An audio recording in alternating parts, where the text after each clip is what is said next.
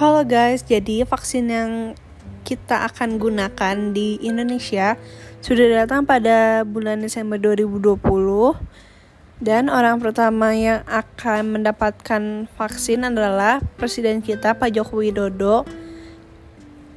Lalu setelah itu ada para tenaga kesehatan yang menangani pasien COVID-19 yang akan menerima vaksin ini.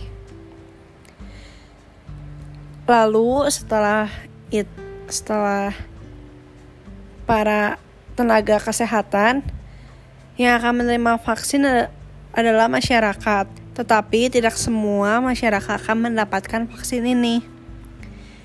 Yang akan mendapat vaksin hanyalah yang berumur dari 18 tahun sampai 59 tahun dan juga pemerintah memberikan vaksin ini dengan gratis.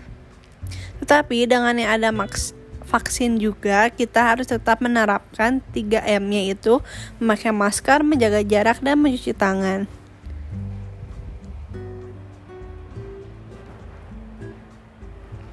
Sekian, terima kasih.